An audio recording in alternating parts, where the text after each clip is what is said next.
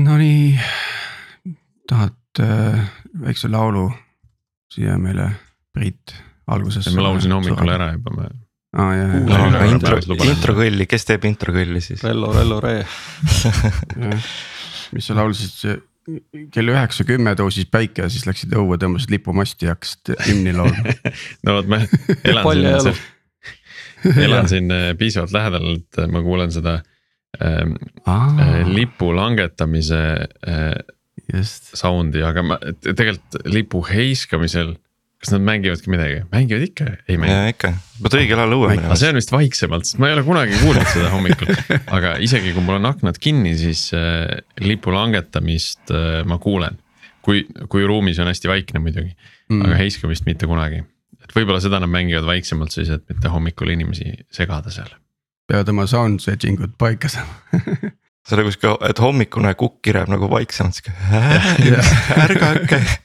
kuigi talvel ei ole väga vahet enam, kui ta siin üheksa aeg, üheksa aeg jah, aga kirjab., aga suvel neli kolmkümmend tõmbab, tõmbab sound'i üles.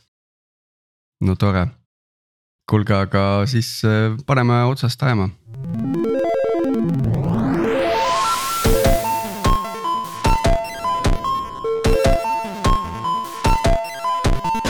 Tere jälle Algorütmi kuulama, eetris on meie saja kuuekümne kuues episood ja mina olen Tiit Paananen Veriffist ja nagu ikka minuga koos Martin Kapp Pipedrive'ist ja Priit Liivak Nortalist.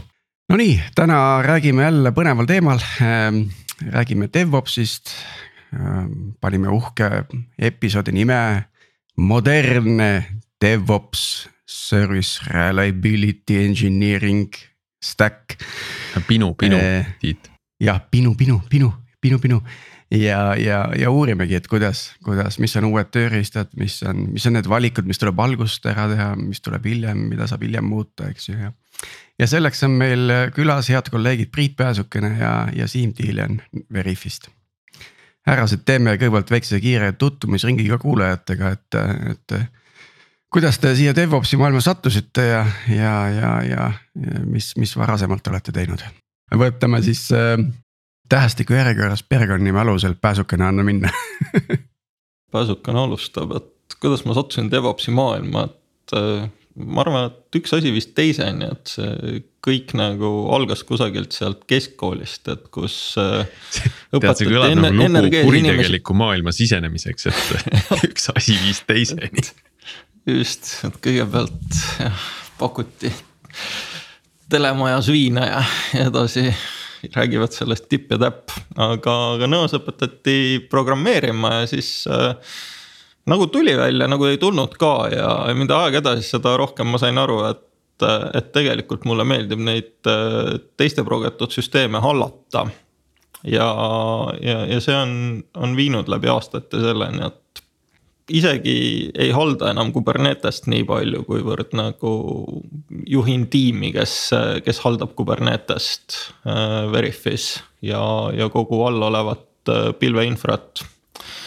et hästi kiirelt, siis, siis minu lugu on jah selline, et, et kui ei proge, siis sa pead opereerima siin IT-maailmas või kasutaja tuge pakkuma, et no, ja. valikut tuleb teha, või kui ei oska progeda, et siis hakka mänedžeriks on ju. just aga Siim, kuidas sinuga? oh,. ma ei tea, kas ma oskan nii kaugele alustada, kui Priit alustas lapsepõlvest.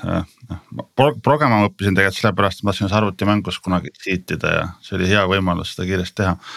aga rohkem siukse DevOpsi maailmale, et ma nagu alati alustasin programmeerijana, aga siis mingi hetkel, kui see Kubernetes tuli, siis äh, oligi vaja nagu arendusosakonnas kedagi, kes oleks nagu sihukene nagu arenduse poolne kontakt kogu sellele Kubernetese asjale, et süstadminid panid klastrid püsti ja keegi asjad ka deploy ma, siis nagu tundus sihukene huvitav ja niimoodi ma sinna teema peale jäingi, eriti kuna ma olin juba varem. ma ei tea, CI-d ja selliste teemadega nagu rohkem tegelenud ja sealt läks, läks vaikselt samm-samm edasi, et isegi ma ütleks, et äh, Kubernetese puhul jamgi on enam-vähem progemine tänapäeval, nii et ka umbes sinnakanti ta läks vaikselt ja, ja Siim on siis meil developer experience team lead ja, ja Priit siis vastavalt DevOpsi team lead, et. et paneme tiitlid ka paika, siis on, siis on kõik korrektne. no nii, aga, aga hakkame siis teema, teemasse sisse puurima, et mm, mõtlengi, kust alustada, et äkki siis see, et, et DevOps ju noh, on olnud siin juba pikemat aega, aga. aga kuidas see nagu oma nagu see distsipliin kui selline on nagu muutunud, eks ju, et ütleme. Te olete mõlemad selles maailmas pikemalt olnud, et. et kust see nagu siis alguse sai ja, ja kuhu ta on nüüd tänaseks välja jõudnud. kas nagu, ikka läheb et, paremaks või, või läheb aina hullemaks ära? ja, jah, ma ise viskan alguses kohe ühe siukse, ühe provotseeriva äh, väikse tüki siia, mida on hea pureda, et äh, mulle tundub, et äh, mida paremaks DevOps läheb, seda, seda lollimaks arendajad muutuvad nagu kogu stack'i haldamise võtmes, eks ju, et ma ei tea, ma, ma ei saa oma, oma isa rollist välja, aga, aga põhimõtteliselt nagu juht, juhtub see asi niimoodi, et mida. mida rohkem sa, sa kellegi eest asju ära teed, mida vähem see, see inimene peab otsustama seda nagu. seda iseenesestmõistetavalt asju võtab ja selles mõttes, et kui ei ole sihukest sisemist tungi vaadata, et mis on nagu karu kõhus ja, ja hoolimata sellest, et nagu ma ei tea, vanemad kakuvad peas juukseid ja ma ei tea, firma finantsdirektor. teise analoogina nagu küsib, et et miks see arve nii suur on või, või et ma ei tea, miks asjad ei tööta, et. et, et vaadata, mis seal süsteemides sees on ja uurida, et. et, et seda nagu jah ja aga, aga kuidas see, kuidas see DevOps on nagu moderni-, moderniseerunud aja jooksul, ütleme. aga et... hakkame jah, sealt ajast pihta, et alati DevOpsi saade, et, et kõigepealt olid kõigepealt oligi DevOps kusjuures, et kusjuures seal mainframe'ide masinal nagu inimesed ise kirjutasid koodi, ise opereerisid seda. ise jooksutasid, et, et kas nad tegid seal mingit lennukite haldamise süsteemi või raamatupidamist, et. et programmeerisid valmis ja siis võib-olla neil olid äh, sihukesed sekretärid, kes äh, toksisid koodi perfokaartidesse, siis söötsid selle masinasse, aga, aga ikkagi et see opereerimine oli suhteliselt äh, selle programmeerija vastutada. Ja siis äh, masinad läksid võimsamaks, mingil hetkel liikusid need kaks valdkonda lahku. et, äh, et ühed mehed kirjutasid koodi valmis ja, ja teised opereerisid seda või käivitasid, olid nii-öelda süsteemi administraatorid. Ja siis seal oli sihuke igihaljas kisma, et, et programmeerija teatavasti toodab puhast kulda. teiselt poolt nagu süsteemi administraatori masinad jooksevad nagu kakskümmend neli, seitse, kolm, kuus, viis ilma mitte ühegi veata äh,. paraku, kui need kaks maailma kokku puutuvad, siis äh,, siis hakkasid asjad katki minema, et selgub, et, et kord ei tööta kood ja kord ei tööta riistvara ja siis peab kuidagi need koostöös need probleemid lahendama ja mida jah. suuremaks ja keerulisemaks süsteemid läksid, seda rohkem hakati ka juhtimise tasandil mõistma, et sellist äh, arendajate OPS-i koostööd on vaja.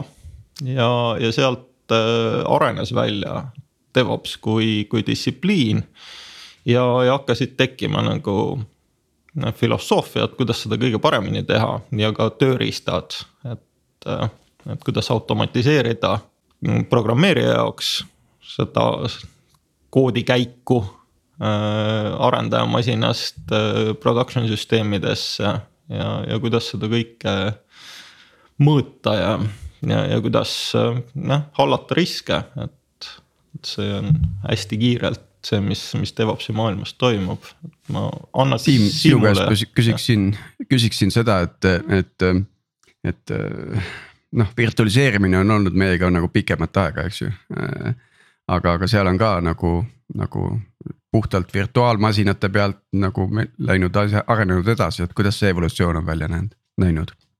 virtualiseerimine oh,, no eks ta tänapäeval suuresti Dockerisse liikunud, et arendaja ship ib oma väiksed Docker konteinerid ja need, need sysadminid või DevOpsid, kuidas sa neid nimetad, jooksutavad neid. aga eks, eks seal ole ka umbes sarnane loop suuresti, mida Priitki siin praegu kirjeldas, et võib-olla ma ei tea, kümme aastat tagasi standard oli see, et arendaja andis oma koodi sysadminile, sysadmin pani selle kuskile laivi.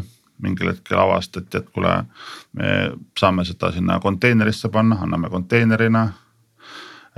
Äh, siis oh, kuule, aga äkki annaks selle konteineri access'i ka arendajana, siin on see Kubernetes API, kasuta seda, võib-olla mingil hetkel avastada, isegi ei ole nii hea idee, arendaja saab kõike teha, võtame natuke õiguseid maha ma ei tea, mis, mis siin, mis see kümne aasta pärast see luup on, aga ilmselt eks ta käib pikemat aega niimoodi, võib-olla mingil hetkel läheb süsteemile nii keeruliseks ja arendussüsteem ei saa kõigest aru, et võib-olla arendajal natuke rohkem ole vaja luupi tõmmata, et. eks ta ole sihukene lõputu, ma arvan, et kui sa seda üle mingi viimase, ma ei tea, programmeerimise ajaloo vaatad, et sa leiad järjest, järjest siukseid luupe, et. Ja siis aeg-ajalt on jälle see standardiseerimise faas ka, kus kus leitakse, et noh, päris nagu loomaaiaks ei taha lasta, et siis standardiseerime mingid asjad ära, et et arendaja saab nagu kaheksakümmend protsenti asju teha, aga kakskümmend protsenti on eelnevalt kokku lepitud ja. ja, ja noh, kuidas asjad peaksid käima nii-öelda mingisuguses kontekstis, olgu selleks kontekstiks siis. terve ettevõte või üks projekt või mingisugune domeen või valdkond, eks ole. ja siis ja mulle tundub, et siis on jälle seda nagu äh, muudetud teisele poole, et noh, et see standardiseerimise hulk kasvab järjest suuremaks. ja ühel hetkel tahetakse seda jälle maha võtta, et, et kontrolli natuke rohkem tagasi anda jah, eks majanduse reeglid mängivad ka siin, et, et mingil hetkel, hetkel kipub see asi kõik äh, Kubernetesesse nagu, nagu kokku jooksma, et on lihtsalt selline de facto standard tekkinud. et äh, jah, maailm on umbes kolme erineva operatsioonisüsteemi peale Äh, ja FreeBSD vennad annavad mulle jah, nurga taga nüüd peksa, aga, aga põhimõtteliselt ikkagi on meil siin MacOS, Linux ja, ja Windows.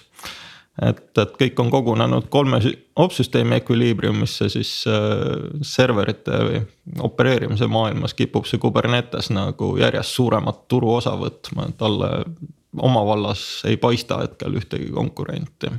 Eh, no vot, võib-olla see ka siis nüüd eh, mingi hetk muutub, et eh, ähm, või kas te näete seda üldse kunagi muutumas, et kui me vaatame ka seda mikroteenuste domeeni või mikroteenuste liikumist, siis noh, räägitakse nüüd ju üha rohkem, et mikroteenused ei ole alati see kõige õigem arhitektuur ja kui, kui mingisugune X aastat tagasi räägiti, et jah, mikroteenused on ainuõige arhitektuur siis täna hakatakse aru saama üha rohkem selle miinustest ja, ja liikuma tagasi võib-olla ütleme siis nii, et traditsioonilisemate äh, arhitektuuride poole, mis on võib-olla ikkagi ütleme, kui, kui on hästi disainitud kood, siis on hästi hallatav kood äh,. ja, ja saadakse aru, mis on selle mikroteenuste miinused, et kas, kas te näete seda, et ütleme, see Kubernetese, kas ta on seal nii-öelda hype kurvi alguses, tipus või, või nagu üle minemas juba kuidas teile see tundub? ma arvan, et äh, Kubernetes vast jääb pikaks ajaks, eks ta kindlasti saab olema mingeid konkurente.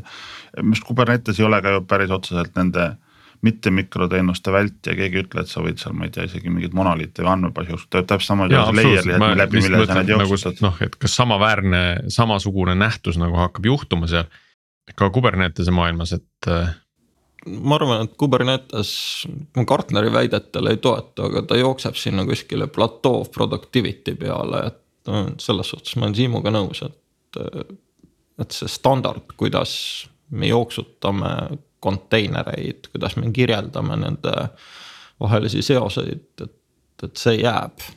et seal võib-olla tuleb eriti, kui vaadata seda viimaste nädalate tormilist arengut ai vallas, et et tõenäoliselt tuleb veel midagi, mida me veel ei tea, aga, aga selles mõttes, et see, et Kubernetes kui platvorm, et noh, ta jääb.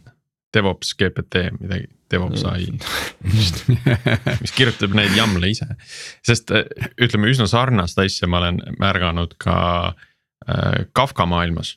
et, et kui see tuli, siis kõik rääkisid, jaa, see on ainuke, eks ja, aga seal saadi üsna kiiresti aru, et see, see haldamise overhead ja see riistvara nõuded, mida see platvorm endas, endaga kaasa toob, on päris kõrged.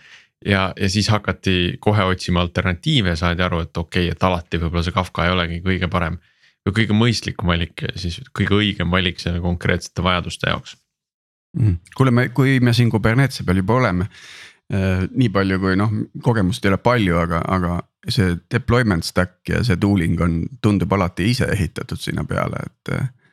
et kas see, kas see on nagu äh, asi, mis juhtubki igal pool samamoodi või, või mis seda tegelikult tingib?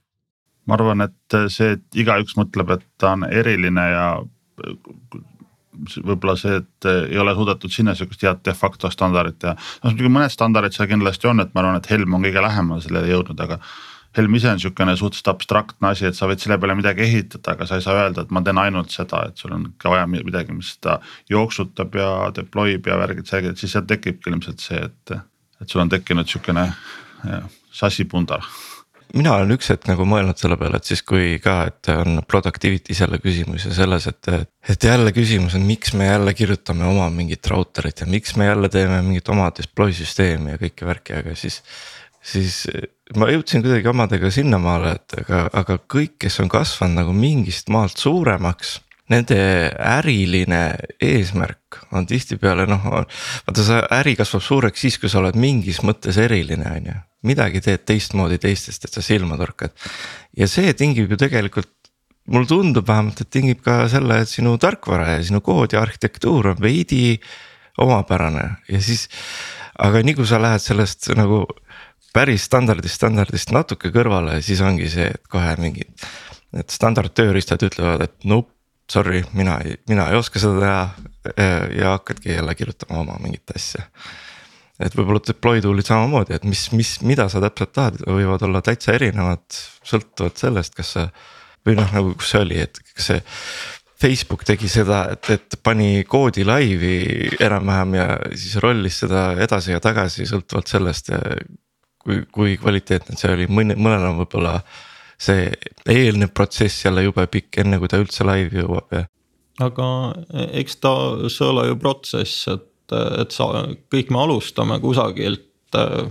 ei, ei taha nullist alustada, et, et juba ülikoolis õpetatakse, et, et suureks saab niimoodi, et ronid mõne hiiglase õlga, õlgadele ja siis sealt sa näed kaugemale ja oled suur ja, ja nii edasi, et et kui me alustame firmat, et siis me valime endale mingisuguse stack'i jooksutamiseks alates programmeerimiskeelest, platvormist.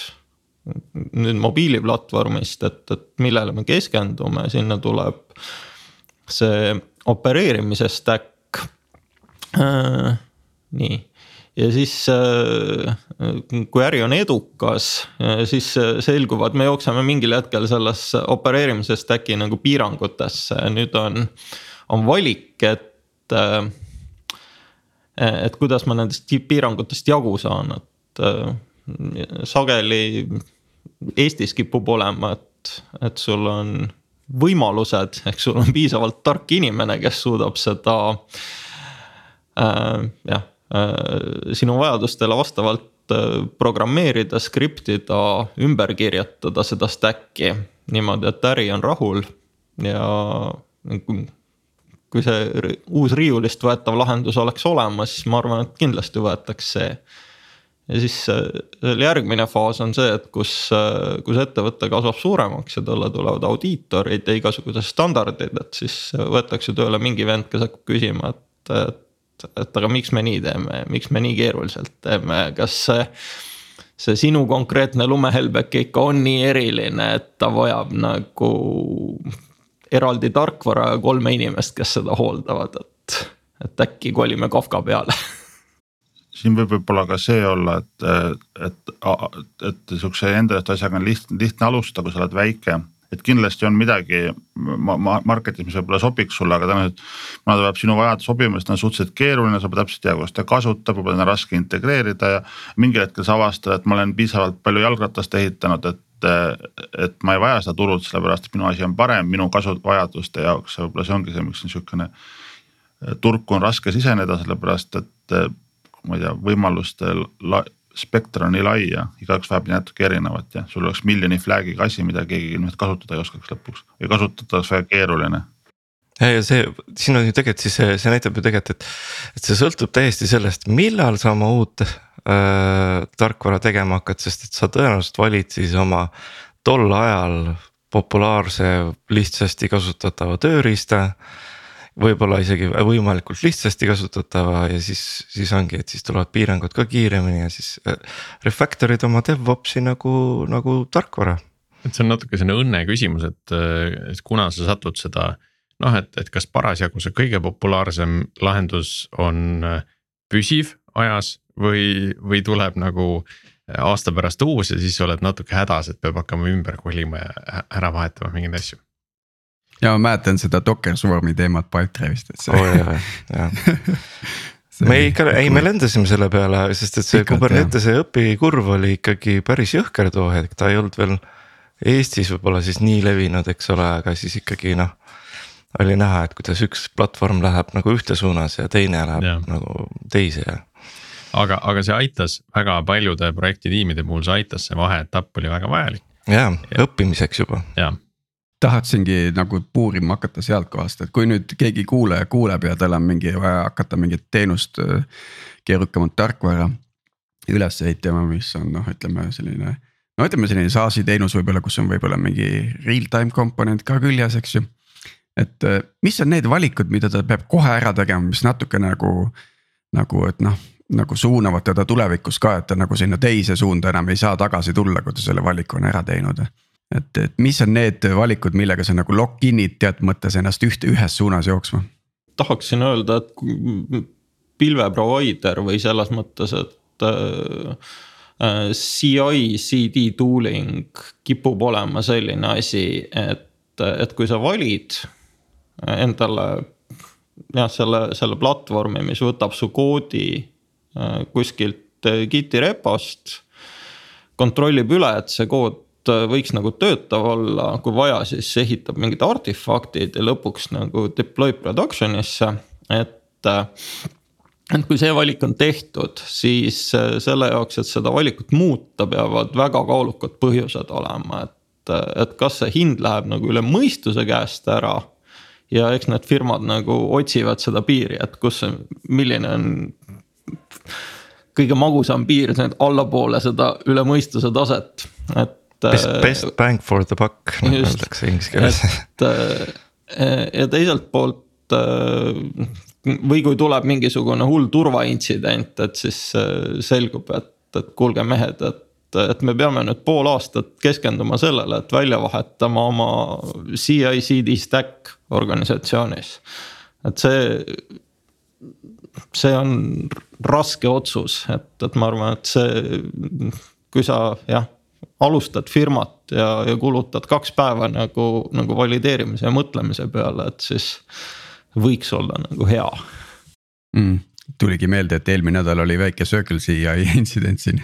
et, et kui nüüd seda natuke filosoofilisemalt mõelda, et, et, et mis siis on see hea suund, et täna on mõneti trend see, et paljud äh, Giti repo pakkujad ehitavad endale CI-CD sisse, on ju, noh GitLabis, GitHubis on kõik need valikud olemas samas kui, kui sinna peale nüüd ehitad, noh siis, siis oledki, võib-olla tahaks kunagi GitHubist ära kolida enda nagu äh, on-premise asja ja, ja läheb nagu keerulisemaks äh,. noh, teisalt mingi eraldi nagu CI-CD lahenduse püstipanemine on, on jälle nagu äh, omaette kulu ja, ja vaev, on ju, et. et noh, filosoofiliselt, kas seal on mõistlik nagu selline decoupling teha, et hoida nagu repo ja CI-CD lahus või pole väga vahet, et noh, et kui ma näen, et GitHub vastab vajadustele, et siis võib seda, äh, seda pipeline'i seal kasutada. kui sa oled ma arvan, et kui sa oled alustav ettevõte, siis äh, sul ei ole seda aega ja energiat, et mingit eraldi siia tool'i panna püsti kuskile, et ilmselt sul need. sul on see, ma ei tea, nädal aega või rohkem, mis sul kulub selle peale, et see fine tune ida, ilmselt sa saad sellega midagi oluliselt produktiivsemat teha. eel-, kui, kui sul just ei ole varasemalt mingit väga tugevat kogemust mingisuguse spetsiifilise tool'iga, et sa võid okei okay,, et ma kasutan seda sellepärast ma tean, kuidas see töötab. muidu ilmselt. aga võtame, võtame äh, Circle CI või Travis'e, eks ole, noh, mis on nagu SaaS-i pakkujad mõnevõrra sarnased äh, küll ka selle GitHubi äh, job idele, aga, aga siiski erinev on ju, täiesti nagu eraldiseisev asi. Nad võib, võib, võivad eraldised olla, aga minu meelest GitHub ja Circle CI, neil on täpselt sama funktsionaalsus, mida Travis ja Circle, Circle CI pakuks seda, aga sul tuleb siukse ilusa integreeritud bundle'ina nende Travis ja Circle CI-ks mõlemaks on vaja mingeid lisasteppe teha ja lisaasju teada ja samas sul on pluss üks provider, kes ilmselt peab lõpuks maksma veel eraldi et ma ei tea, mina näiteks ei läheks sihukese tee peale, kui mul ei oleks mingit spetsiifilist nõuet, et ma pean seda tegema, ma arvan, et enamus arendajaid teevad sama valiku tänapäeval. aga, aga nüüd ma panen järgmise provotseeriva asja, et, et väga tore, et kõik on ühes kohas ja hästi integreeritud. Siis võiks ju kasutada äh, Atlassiani puhul ka näiteks bambuud on ju, et siis on kõik seal Jiraga koos, aga see bambuu on vähemalt mõni aeg tagasi oli ta ikkagi juba sellises kohas, et noh, ükski arendaja nagu väga seda CI-d kasutada ei tahtnud, et tahaks ikka nagu deklaratiivselt seal seda, seda pipeline'i kirjeldada, mitte seal drag and drop ida äh, mingeid drop down'e kokku.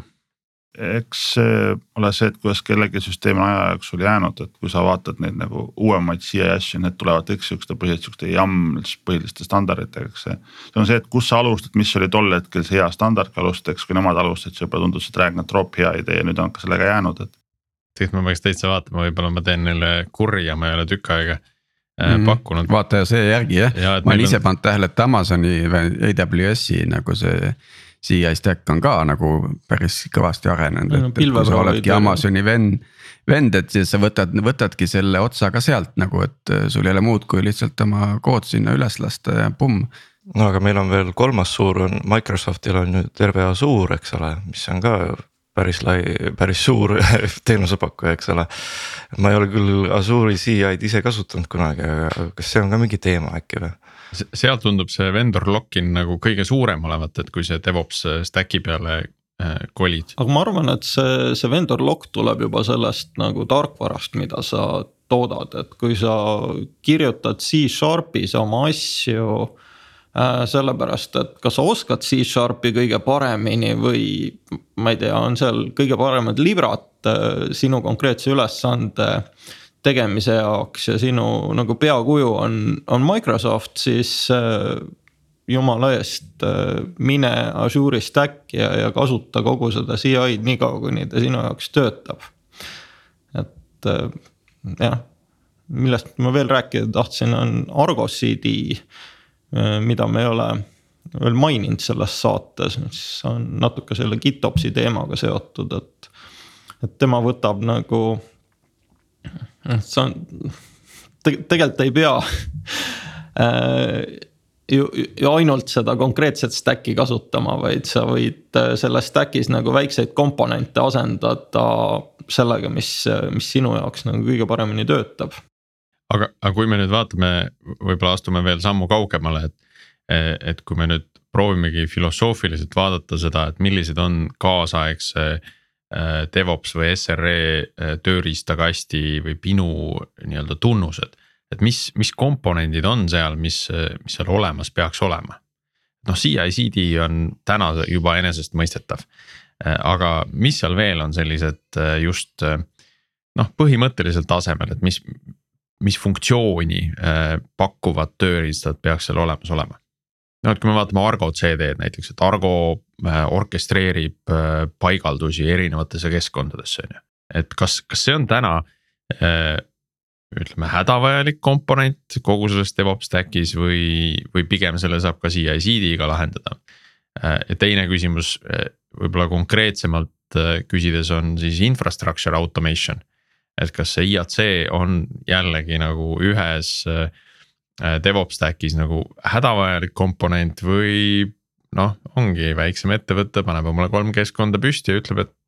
et meil on nagu täisautomaatne pipeline, aga, aga vot neid keskkondi, kui neid on vaja uuesti luua, et noh, siis üks arendaja nokib siin kaks päeva ja saab valmis raske küsimus, et tundub kellele küsimus suunatud on, et tegelikult no, ei ole see, vaja. kes teab vastust et, et in, infra as a code'i niikaua, kuni sul ongi kolm virtuaalmasinat ja, ja, ja nende peal jooksutab, et kas on vaja, aga, aga mingil hetkel hakkavad nõudmised tulema, et, et kas need kolm virtuaalmasinat on kõige viimase batch leveli peal ja Äh, võib-olla ma saan nagu ühe töökoha panna midagi efektiivsemat tegema, et inimene saab äh, tegeleda programmeerimisega selle asemel, et nagu käia läbi kogu aeg neid kolme keskkonda ja ma ei tea, uuendada Linuxit seal. et, et selles mõttes sihuke infra as a code ja teine on sihuke, kuidas öelda, vendor lock-in'i äh, vastu töötamine nii-öelda, et, et kui ma tean, et et minu toodangukeskkonna saab püsti panna nullist mingisuguse skriptiga. poole tunniga, viieteist minutiga, et, siis magan rahulikumalt, sealt tuleb. see tähendab siis seda, et, et kas sa pigem nagu, et, et, et mina olen ka näinud seda, et nagu tahaks teha skripte just nagu ütleme setup skripte võimalikult abstraktsed, et juhul, kui meil on vaja mingit provider'it vahetada või midagi, et siis me teeme vähem tööd, eks ole. aga samas siis selliste skriptide tegemine on ju ka nagu ajakulukam või keerulisem, eks ole, et sa. et sa saa, jõuaks üldse sinnamaale, et sa saad sellise toreda universaalse skripti. Martin, see meenutab mulle, kui kunagi räägiti sellest, et see kogu see data access äh, kiht tuleb nagu võimalikult eraldi hoida koodis, et igaks juhuks, kui sa -hmm. kunagi tahad andmebaasi välja vahetada. ma olen näinud ühte süsteemi, kus see andmebaas vahetati päriselt välja ja sellepärast, et. et algne valik oli mingi XML-i põhine andmebaas ja siis mindi relatsioonilise peale, siis hakkas asi tööle ja siis enam mitte kunagi ei vahetatud. et, et, et vot siis ongi küsimus, et kas, kas seda, kas see on asi, mida peaks nagu arvestama või tegelikult, tegelikult ikkagi ei olegi mõtet, et. et kui ma võtan selle AWS-i või Google Cloud'i on ju, siis ma teengi oma skriptid selle jaoks ja ei muretse selle pärast, et ma ei tea, kuskil on veel Azure ja tulevad järsku mingi, ma ei tea, mingi hullu soodukaga välja, eks ole. et mõtlen, muretsen siis, kui nad teevad seda ükskord. no just, et, et hakkame hüppama või muretsema siis, kui me mingisuguse kraavini oleme jõudnud, et mm, -hmm. et mhm. kust enam üle ei saa, et, et niikaua kuni töötab, lase käia selles mõttes, et et ka kirjuta Google'i spetsiifilisi skripte. aga äh, point on, et igasugused äh,, no miks me teeme seda, seda DevOpsi on see, et, et igasugused intsidentide haldused äh, äh, läheksid kiiremini, et äh, ma ei tea, meil on toodangukeskkond on, on DDoS rünnaku all, mis me teeme, et äh, et kui ma tean, et ma saan äh, viieteist minutiga kuskil äh, toodangukeskkonna koopia. kasvõi samasse Google'i pilve, aga teise regiooni püsti panna öö, oma kas kõik kliendid või maksvad kliendid ümber suunata ja intsidendi ära lahendada. Versus see, et, et ma, ma ei tea, panen kaks päeva selle peale, et, et suhelda oma teenusepakkujaga, et et kuulge, et, et selline paha rünnak. Äh, tehke midagi, päästke mind appi, politsei. et tegelikult on nagu mõlemad vajalikud, on ju, et, et, et Eesti CERT peab ka sind aitama nagu küberründe puhul, aga ei saa aga ainult nende peale loota. ja hea oleks minna CERT-i juurde öelda, et, et meil oli rünnak, ma panin uue keskkonna püsti vanadest on snapshot siin, äh, palun, et nüüd saate aidata uurida, et millega, millega tegu oli või kes oli. aga et, äh, et, et me ei oleks kohas, kus peaks ütlema, et meil oli rünnak, võib-olla on pahalane veel sees. me ei oska midagi teha, tulge nüüd appi.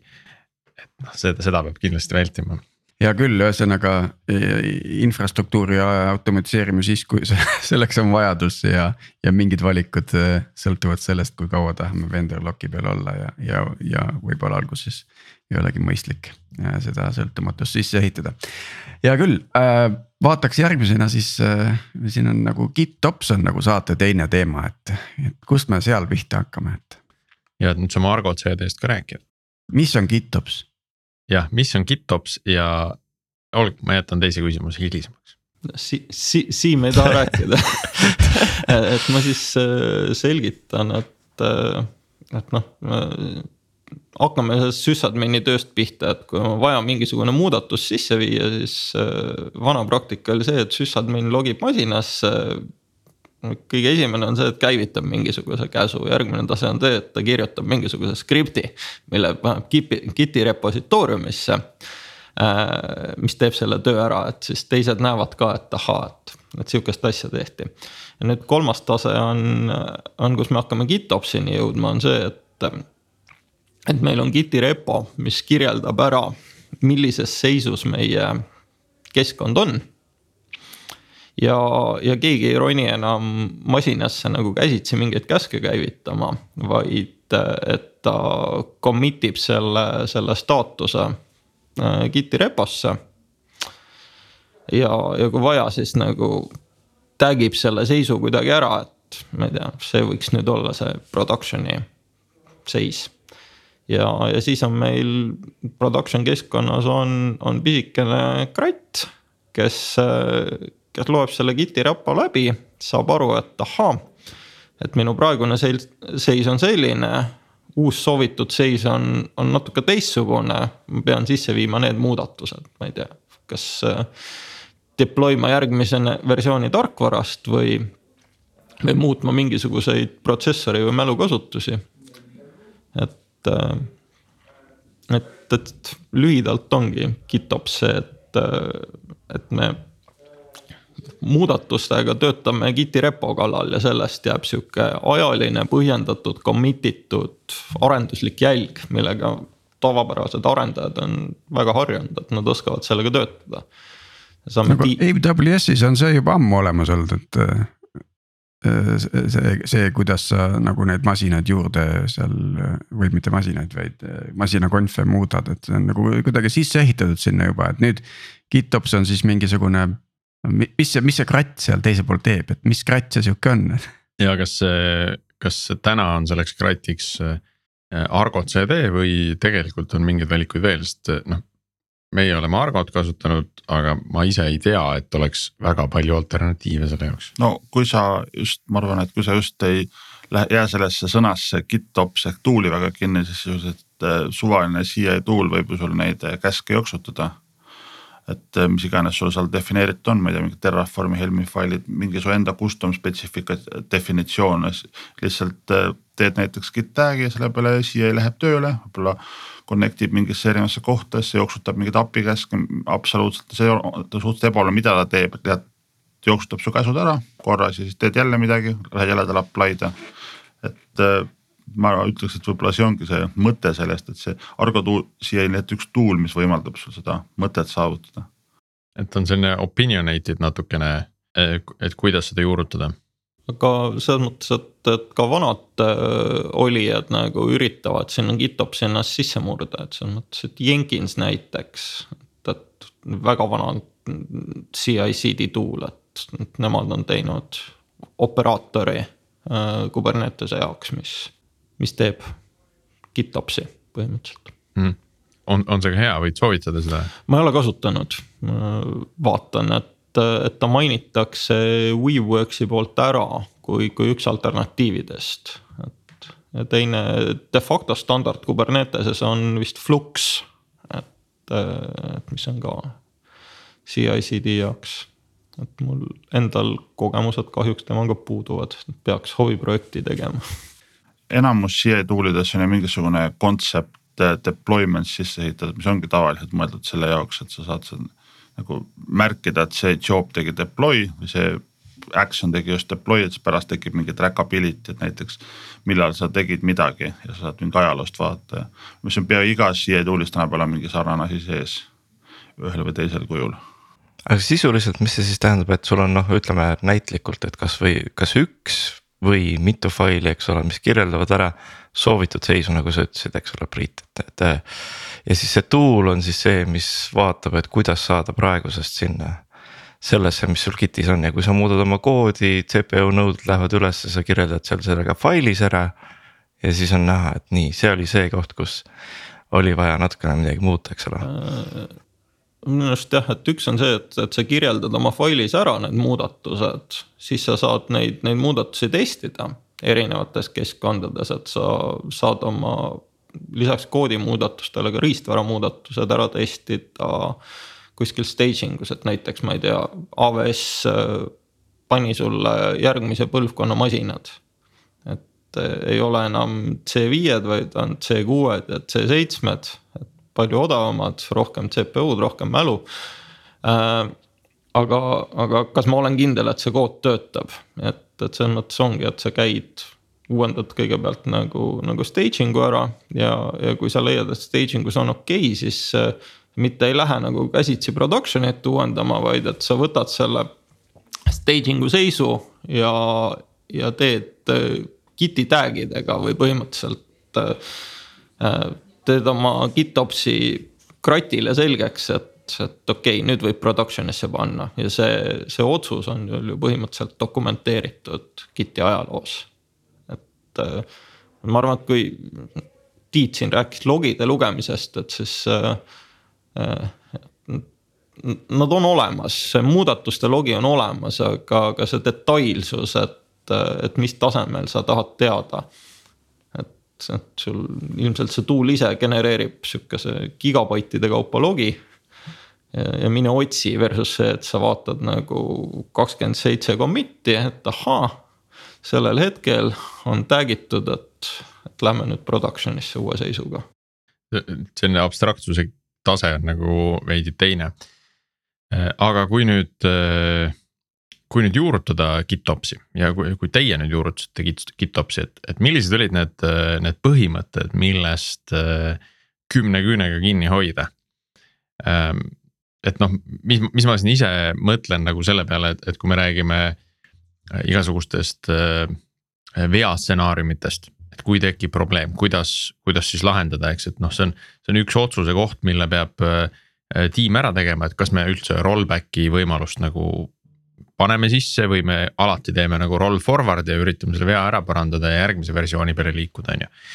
Ähm, et milliseid selliseid põhimõttelisi otsuseid teie veel tegite ja, ja mis on need nii-öelda põhimõtted, millest te kinni hoidsite?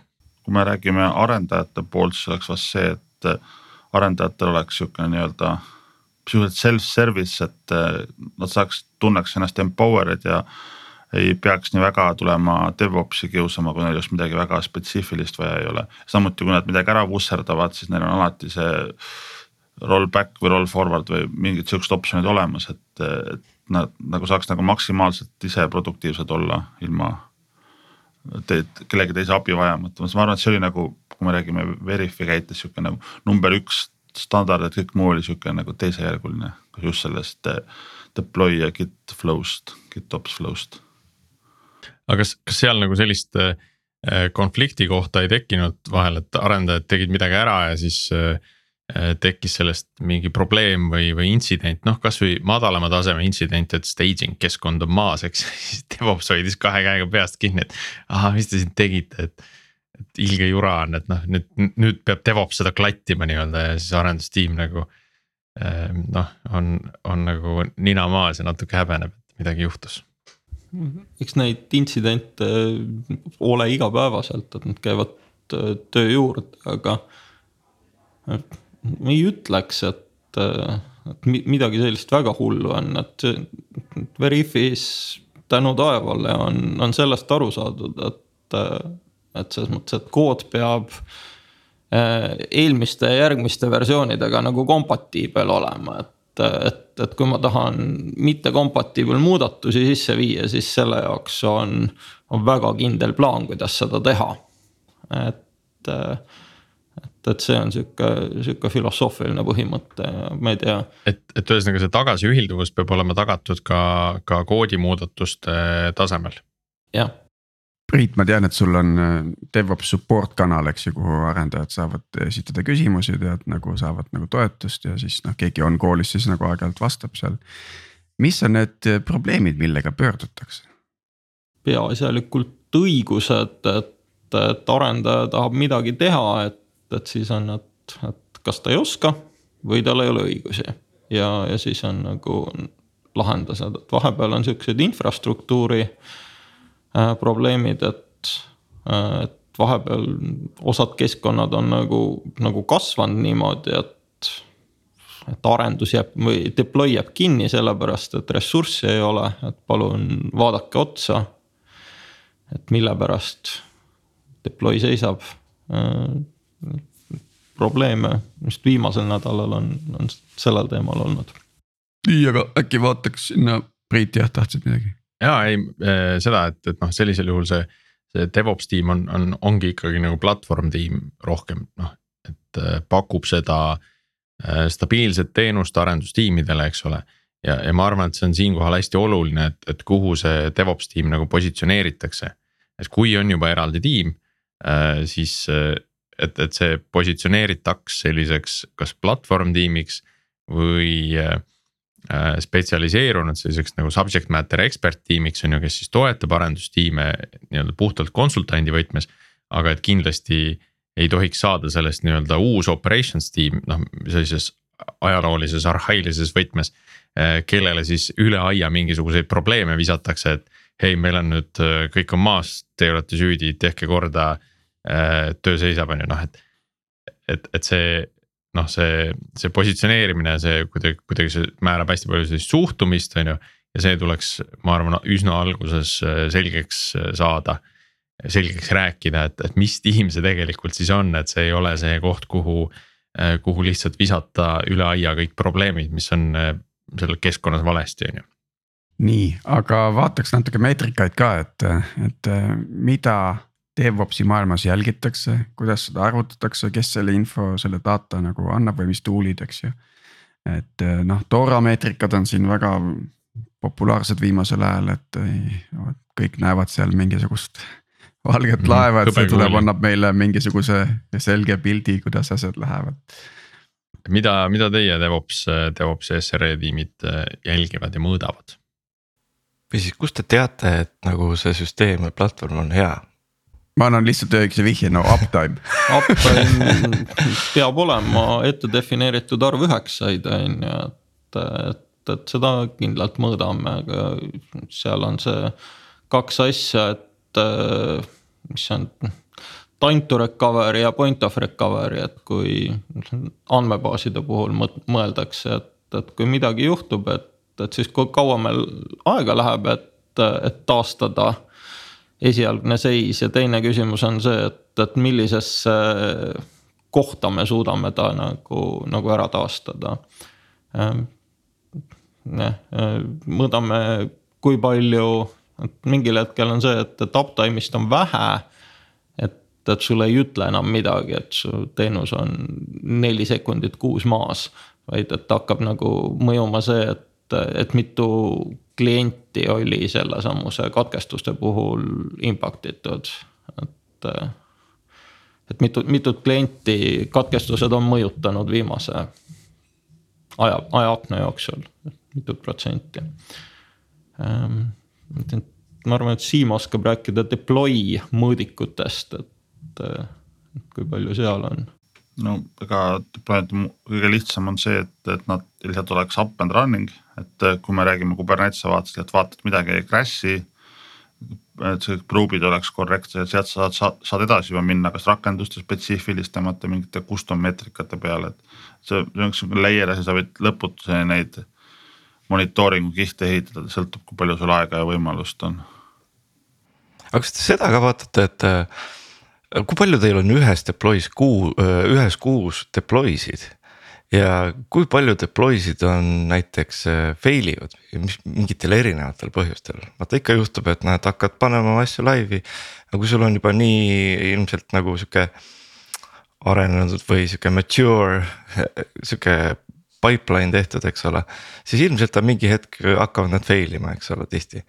kas, kas teil on, teie ka sihukest asja mõõdate või on see, on see teie jaoks kasulik kuidagi või, või?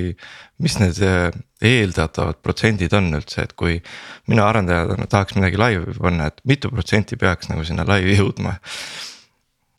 sada. sada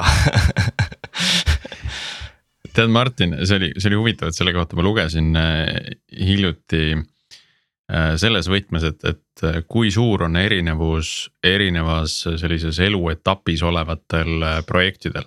et kui meil on projekt, mis on nagu nii-öelda ramp up faasis, mis on nii-öelda aktiivses arendusfaasis või siis võib vaadata ka sellist nagu maintenance faasi või küpset faasi kus võib-olla see uute featuuride väljalükkamine, väljalükkamise hulk on oluliselt vähenenud, see ei ole seiskunud, aga, aga ta on oluliselt vähenenud et me, et võib-olla enam ei tehtagi iga päev mitut paigaldust, vaid tehakse ma ei tea, üks paigaldus nädalas. noh, et me ei saa öelda, et see on nüüd kehvem seis, on ju, kui tehakse üks paigaldus nädalas või üks paigaldus kuus, on ju. et pigem ikkagi seal tulebki nagu fookus seada nagu erinevatesse kohtadesse. et selles nii-öelda küpses faasis äh, on, on hoopis olulisem just seesama lead time äh, ja time to recover, et kui kiiresti me saame nagu selle, selle uue asja välja, kui see nüüd ühel hetkel peaks vajadus tekkima äril selle jaoks. ja, ja samas algusfaasis võib-olla pole mitte ükski neist nii oluline, sest äh, noh, see projekt ongi nagu startimas ja mingisugust oma tempot nagu saavutamas ja teine on see, et see, äh, kelle jaoks need meetrikad olulised on, et võib-olla arendustiimi juhile on, on hästi oluline see, et, et mitu deploy'd ta kuus päevas nädalas teeb, mitu protsenti nendest deploy dest nagu äh, lähevad mis iganes staging usse production'isse ja, ja mitu protsenti nende juures nagu fail ivad. Opsi või, või platvormi poole pealt on see, et et kui meil on hea äh, CD tarkvara, siis ta, ta tunneb selle, selle deploy ära selles mõttes, et, et sul on mingil määral vigane kood. et äh, ja, ja ta on staging ust läbi läinud ja, ja hakkab production'isse minema ja nüüd see deploy avastab, et äh, ma ei tea, üks instants kümnest pandi püsti ja see on millegipärast vigane. see deploy läheb katki ja Äh, klient ei märka seda, et, äh, et nüüd on küsimus, et, et kas me peaksime vaatama, et, et, et kes, kes peaks vastutama ja kas üldse peaks keegi vastutama. et seal sihuke hea anekdoot oli, kuidas äh, firmasse võeti töö, tööle noh, noor praktikant, et talle näidati süsteemid ette ja siis kood oli, kõik oli integratsioonitestidega kaetud ja väga head nagu äh, äh, code coverage testid ja pipeline oli, oli suurepärane ja see praktikant suutis siiski nagu nagu läbi kõigi code review'de te tekitada production intsidendi, et see on nagu küsimus, et. et selle manager'ile, mis ütles, et, et ma isegi ei olnud vihane, vaid ma olin nagu, nagu imestunud, et, et et ku, kuidas ta hakkama sai, et pidi ikka nagu leidlik olema, et et kõigist nendest äh, kaitseliinidest läbi murda oma vigase koodiga. aga kuidas, kuidas teie seda teete, et noh, et, et, et hästi ilmne on muidugi see, kui see instants ei tulegi püsti äh,. mingisugused availability probe'id äh, ei anna nagu oodatud tulemust, aga, aga tuvastada seda, et seal on oh, ma ei isegi ei tea, kuidas seda eesti keeles öelda, ma nüüd vabandan, et nagu eh, noh. no kas lõppkasutaja jaoks on ikkagi viga, eks ole, mingis jah, kohas. just, et kasutaja jaoks on nagu teenuse äh, siis kättesaadavus on, on nagu vähenenud, et võib-olla mingi üks funktsioon nagu seal sees ei tööta äh,. et noh, et see eeldab ikkagi seda, et see instants natuke aega jookseb, võib-olla track itakse logides mingeid äh, vigade hulka, eks ole, või, või jälgitakse, et seal ei tule vigu Äh, noh, mis, mis tähendab jälle nagu logide monitoorimist juba nagu. Et see ei ole mingite nagu probe'ide sisestamine süsteemi nii palju, kui, kuivõrd siis selle, selle väljundi jälgimine, eks ole. et kas te, kas teete seda ka? jälgime äh, selles mõttes, et, et osad, sa pead teadvustama, et osad meetrikad tulevad sulle nagu mingisuguse teatava hilinemisega, et sa mainisid neid samuseid äh, probe, et et liveness, health check'id, et, et kui need katki on, siis, siis me teame, et asi on katki, aga kui kõik on korras ja. ja siis äh, ärimeetrikad tulevad sulle näiteks järgmine päev, et äh, kui palju on, ma ei tea, meil sellise koodiga sessioone ja milliste, millise aja jook-, millistes ajaakendes nagu sessioonid teenindatud said, et, et sul võib juhtuda see, et et kakskümmend neli tundi hiljem saad teada, et kuule, et meie deploy kvaliteet halvenes või minu enda no, näide on. natukene, natukene Priitu parandasin siin, et tegelikult see on kohe reaalajas näha, kui midagi on sessioonidega katki, siis on see ikkagi väga kohe näha tegelikult, et. et sõltub nüüd, et kas see viga on terviklik või on see mingi osaline, et see sellest hästi palju sõltub. ma veel siin meetrikate koha pealt äh, räägiks juurde, et meil on jagatud deployment'id äh, nagu teenuste kriitilisuse järgi, et me mõõdame nagu. millised on nagu happy flow ehk siis kõige kriitilisemad teenused, nende deployment ite arvu siis mõõdame seda, kui mitu teenust üldse on muudetud nädala jooksul, et see on ka hea selline trendi moment, et kas on nagu. Widespread mingi muudatuste laine või, või on nagu pigem mõnede teenuste arendamine, on ju ja, ja siis äh, end-to-end test suite'i äh, nii-öelda käivitusprotsenti deployment ite puhul, et. et, et kui noh, see peaks kogu aeg kasvama, eks ju, et.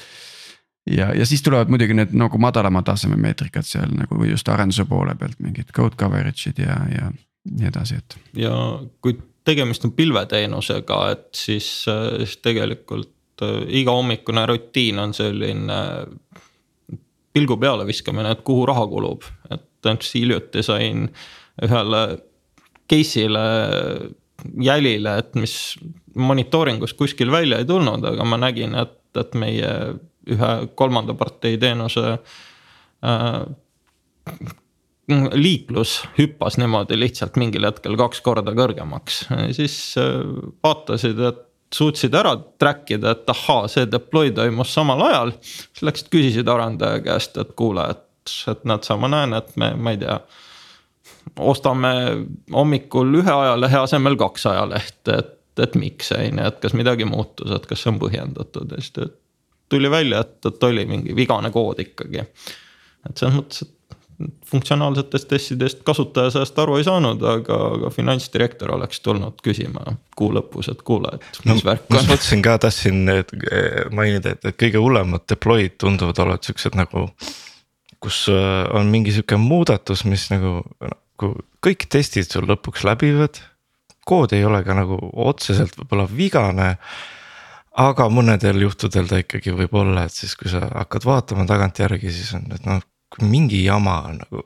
see on, ta, ta ei tööta nagu äriliselt ja. päris õigesti. jah, et, et mingi värk on nagu süsteemis, et kuidas, kuidas sa üldse jõuad sinnani, et avastad sihukest asja, et. et vaata no,, et, et kui tuleb nagu. tulebki läbi nende probe'ide, et, et ja. kunagi mul. no siis peavad õnnestus... proobid ikka väga hea tulema ka, et. ja, ja. ja, aga tavaliselt kliendid ütlevad sulle või mingi ärimeetrika ütleb. arendajaga, Uberi SRE arendajaga, kes ütles, et. et, et neil on, neil on süsteemis üle poole miljoni probe'i ja noh, see oli ikkagi nagu äärmiselt šokeeriv, et see oli ka tegelikult ju põhjus, miks Uber ehitas enda selle nii-öelda monitooringu lahenduse sinna. ja nad ei saanud ühtegi off the shelf asja kasutada, sest et see, see volüüm nendest andmetest lihtsalt, mis sisse jooksis, oli tohutult suur. aga nad on ka täna lahenduse peal, mis, mis suudabki nagu automaatselt, no lihtsalt noh, et väga nagu sellist testimist ei tehtagi nagu noh et, et kõiki lükatakse otse toodangusse, kui mingi proov tuvastab, et natukene on väärtus langenud tehakse rollback'i ja hakatakse uurima, et mis asi on, on ju. ja ma mäletan Pipedrive'is. tehakse automaatne rollback siis juba, mitte nagu keegi ei tee manuaalselt sihukest asja. Martin Pipedrive'is kunagi unust-, unistasime nendest auto rollback idest, et kuskilt tuleks reaalaja mingit datat ja kui midagi väärtused muutuvad, siis pumm kohe tagasi aga ja lõppu kiiresti räägiks autoscaling ust ka, et ma viskan lihtsalt küsimusena, et kas autoscaling on ulmevaldkonda kuuluv teema ei ole, ma arvan. et äh, senimaani, kuni su asi ei tee midagi väga imelikku, ilmselt sa saad suht standardseid tool'e selleks kasutada, et äh, kui me rääkisime Kubernetesest, sinna on väga hea autoscaler sisse ehitatud. et äh, kui see töötab out of the box, siis ilmselt sul ei ole sellega eriti probleeme vähemalt. kas me, kas, kas me peaks kõike autoscale ima või mida ei peaks autoscale ima? Mm. -hmm. keegi teeb DDoS-i ja, ja siis äh, sest see ohud on ju tegelikult, kui sa ikkagi autoscaler'it natukene valesti conf'id või kasutad. no sa võid omale korralikult pankroti nagu teha põhimõtteliselt, kui sa oled äh, avalikus pilves. üldiselt seal on tavaliselt ju autoscaler'it on alati mingisugune miinimum, maksimum ja mm. mille pealt, et see, see nendega saad mängida, tegelikult lihtsam asi, et ära pane omale väga rumalaid maksimume võib-olla siit järgmise saate teemaks oleks nagu FinOps, et, äh, et kuidas ku,, kuidas panna limiidid niimoodi, et, et kasutajad oleksid õnnelikud ja samas nagu DDoS-i ajal teenus nagu täiesti maha ei, ei kukuks ja et, et finantsdirektor ära ei minestaks, et ja sellest tahaks tõesti rääkida, aga tahaks äh, rääkida siis äh, erinevate pilveplatvormide kontekstis. Ja äh, sellises, sellises, mind ennast huvitab, eks ole, selline kontekst, kus. kus võib-olla ongi erinevad projektitiimid, eks sa tahad nagu erinevaid, erinevaid limiite seada, sul on noh, et see, et see pilve struktuur ei ole nagu flat, et sul on igalühel samasugune budget ja.